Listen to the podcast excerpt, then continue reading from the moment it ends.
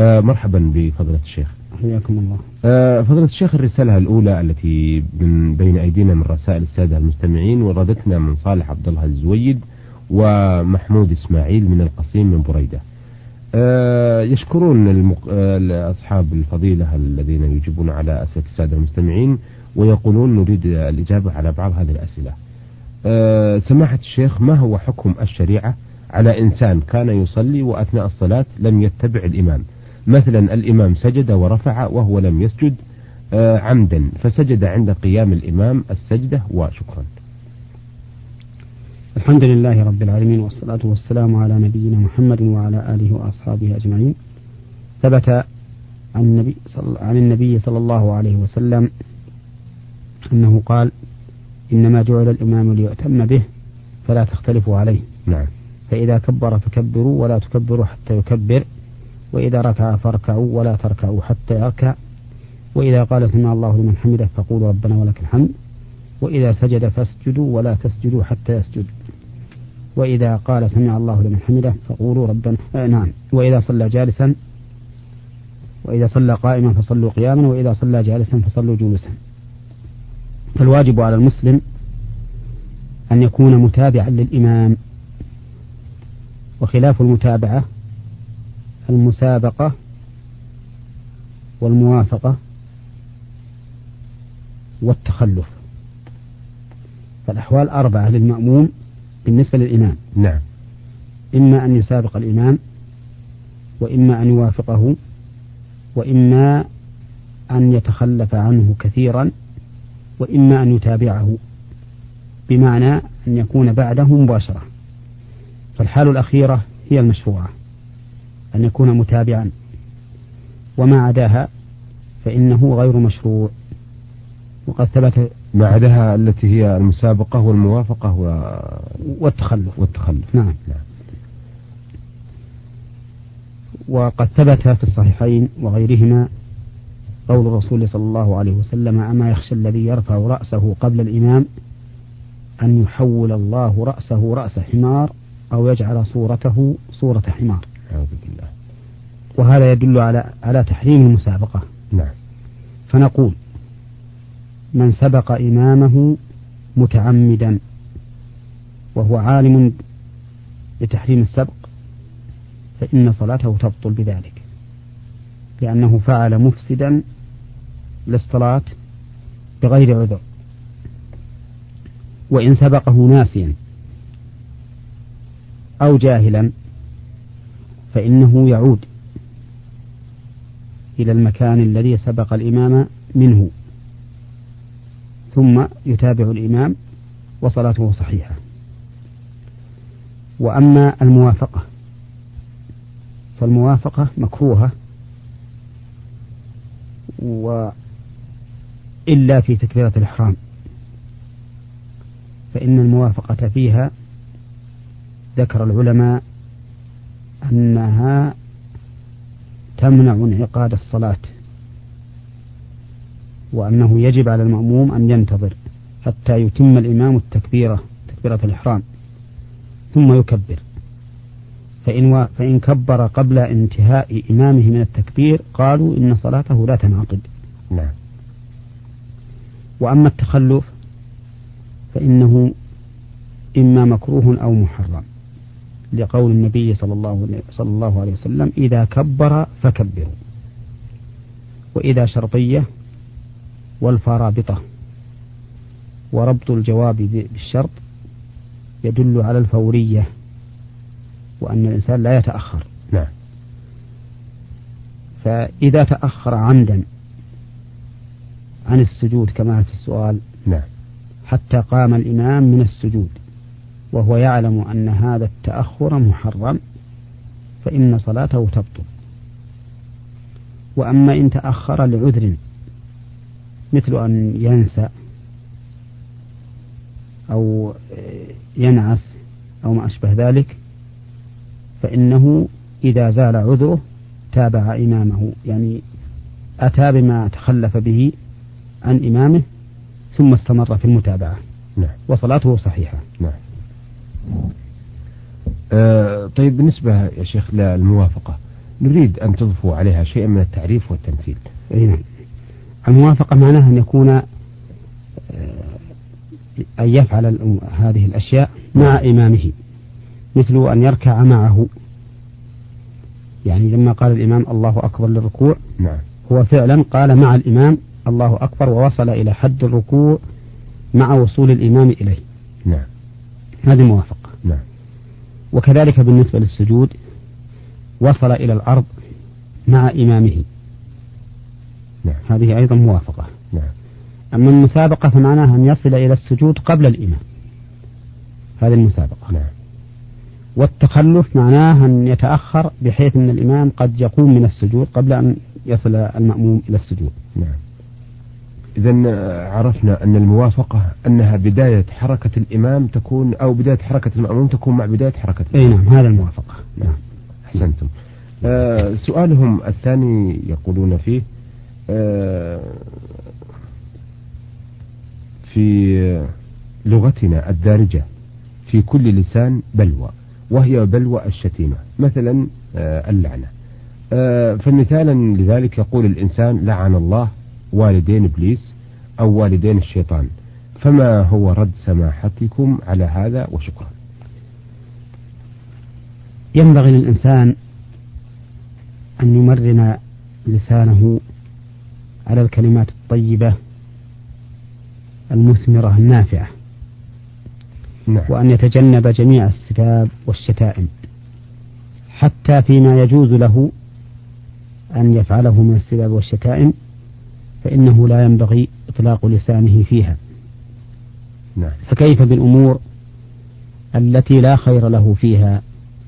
مثل لعن إبليس أو والدي إبليس أو ما أشبه ذلك. فإن هذا لا ينبغي بل إن الذي ينبغي أن يتعوذ الإنسان بالله من شر الشيطان. فيقول أعوذ بالله من الشيطان الرجيم.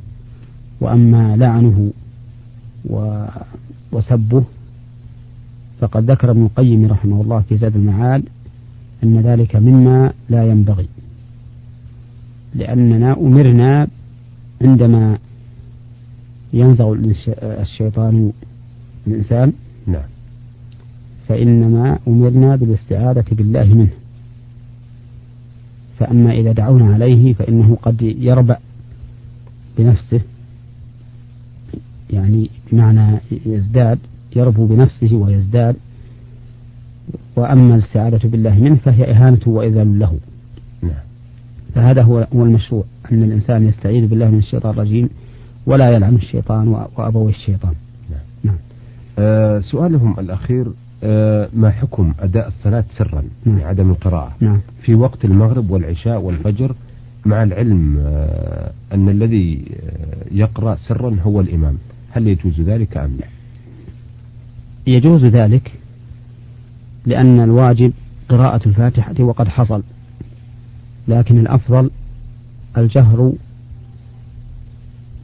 في في الصلاة الجهرية والإصرار في الصلاة السرية على أنه ثبت عن رسول الله صلى الله عليه وسلم في الصلاة السرية صلاة الظهر والعصر أنه يسمع الآية أحيانا. نعم. فينبغي أن يسمع الإمام الآية أحيانا في صلاتي الظهر والعصر. وأما الصلاة الجهرية فيصليها جهرا أفضل من كونها سرا. حتى لو قضاها في النهار فإنه يجهر بها.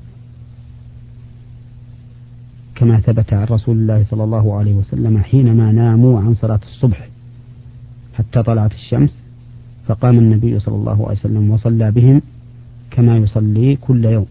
نعم. فجهر في فجهر بالقراءة في قضائه. نعم. آه هذه رسالة وردتنا من عبد الله محمد جبار القحطاني من جدة من المستشفى العام الجديد. آه يقول في رسالته بعد السلام والتحية آه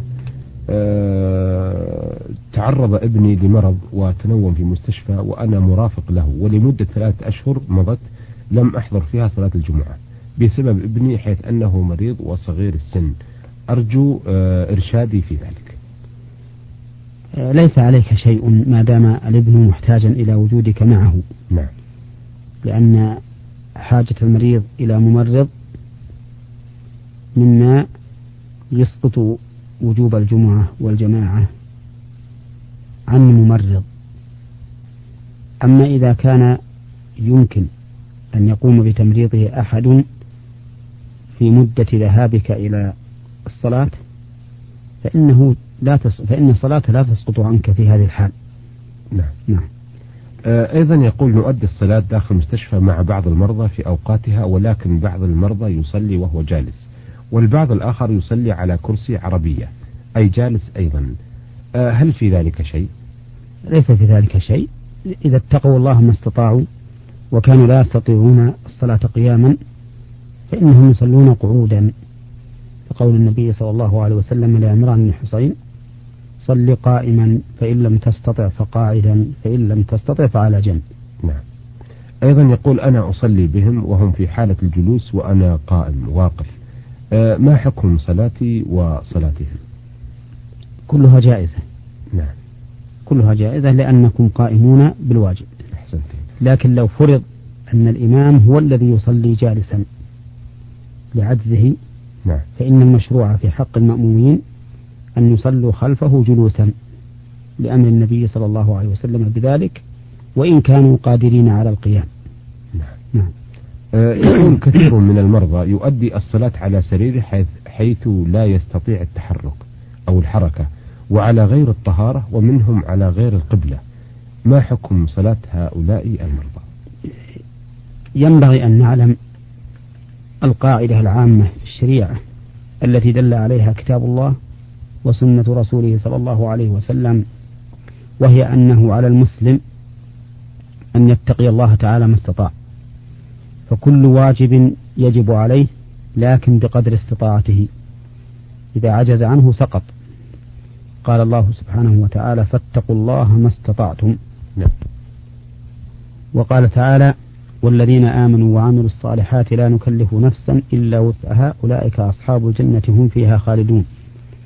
وقال سبحانه وتعالى لا يكلف الله نفسا إلا وسعها. وقال تعالى والذين يؤتون ما آتوا وقلوبهم وجلة أنهم إلى ربهم راجعون أولئك يسارعون في الخيرات وهم لها سابقون ولا نكلف نفسا إلا وسعها ولدينا كتاب ينطق بالحق وهم لا يظلمون وفي الحديث الصحيح عن النبي صلى الله عليه وسلم أنه قال إذا أمرتكم بأمر فأتوا منه ما استطعتم نعم.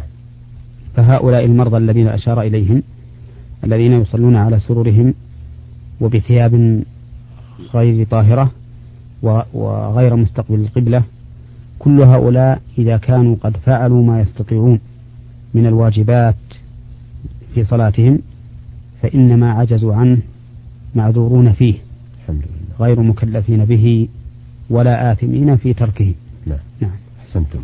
آه من الدقيق وردتنا هذه الرسالة من المستمع ضاوي معيض العتيبي يقول فيها هل هناك دعاء يقال قبل الصلاة؟ الدعاء قبل الصلاة لا أعلم فيه دعاء معينا ولكن ما بين الأذان والإقامة موطن إجابة فإن الدعاء بين الأذان والإقامة لا يرد. ومن المعلوم عندنا جميعا أنه بعد الأذان إذا تابع الإنسان المؤذن فقال مثل ما يقول فإنه يقول بعد ذلك اللهم اللهم صل على محمد. اللهم رب هذه الدعوة التامة والصلاة القائمة. آت محمدا الوسيلة والفضيلة وبعثه مقاما محمودا الذي وعدته. نعم. ويدعو بما أحب. نعم.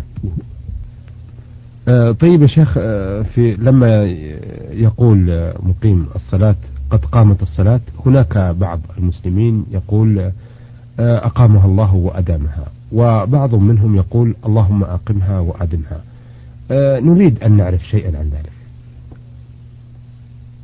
الذين يقولون أقامها الله وأدامها يستندون إلى حديث رواه أبو داود في ذلك أن النبي صلى الله عليه وسلم قالها حينما بلغ المقيم قد قامت الصلاة. نعم. ولكن هذا الحديث ضعيف لأن أحد رواته مجهول. وفيه أهل وفيه أيضا شهر بن حوشب والكلام فيه معروف. وعليه فيكون في هذا القول نظر لأنه مبني على هذا الحديث الضعيف. نعم. والضعيف كما هو معلوم عند أهل العلم لا يحتج به في إثبات حكم شرعي. نعم. وأما الذين يقولون أقمها اللهم أقمها وأدمها فلا أعلم لهم شيئا يستندون عليه. نعم.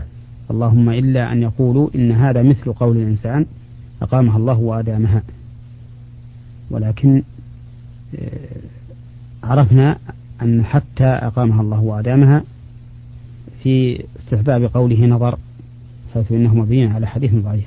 نعم, نعم. آه طيب هل يجوز متابعة مقيم الصلاة فيما يقول؟ متابعة مقيم الصلاة فيما يقول مبني على هذا الحديث الذي أشرت إليه. نعم. الذي فيه الراوي المجهول والرجل المتكلم فيه فليس فنفسي لا تطيب باستحباب متابعة المقيم. نعم. ولا بقول أقامها الله وأدامها. أحسنتم. أيها السادة إلى هنا نأتي على نهاية لقاء